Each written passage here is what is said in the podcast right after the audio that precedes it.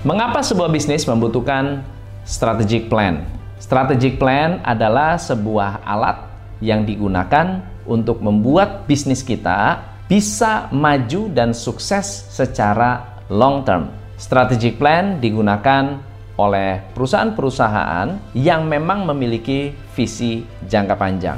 Ada empat alasan mengapa Anda harus memiliki strategic plan. Alasan yang pertama, dengan memiliki strategic plan, Anda meminimalisir resiko kerugian. Pada saat Anda membahas dengan tim, Anda membahas dengan direksi, Anda membahas dengan manajemen, Anda bisa memprediksi dan mengantisipasi resiko-resiko yang bisa terjadi di masa depan dan Anda bisa meminimalisir resiko.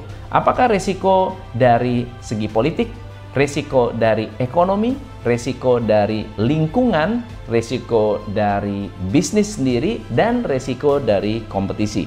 Yang kedua, strategic plan akan membuat semua karyawan Anda tahu dan memahami arah bisnis kita. Banyak orang yang tidak mengerti arah, lalu kemudian resign karena merasa Anda berubah-berubah.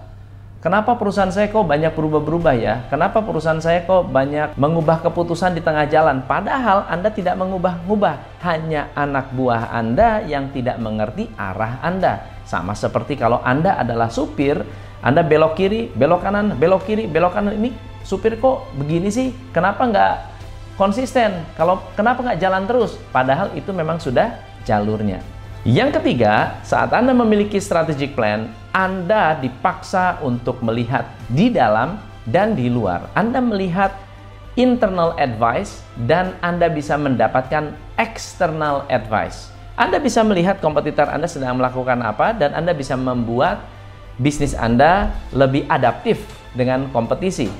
Yang keempat, Anda bisa merancang strategi yang memberikan kemungkinan-kemungkinan menang untuk bisnis Anda. Strategic plan yang efektif adalah strategic plan yang memang didesain jangka panjang. Strategic plan didesain untuk membuat bisnis Anda maju.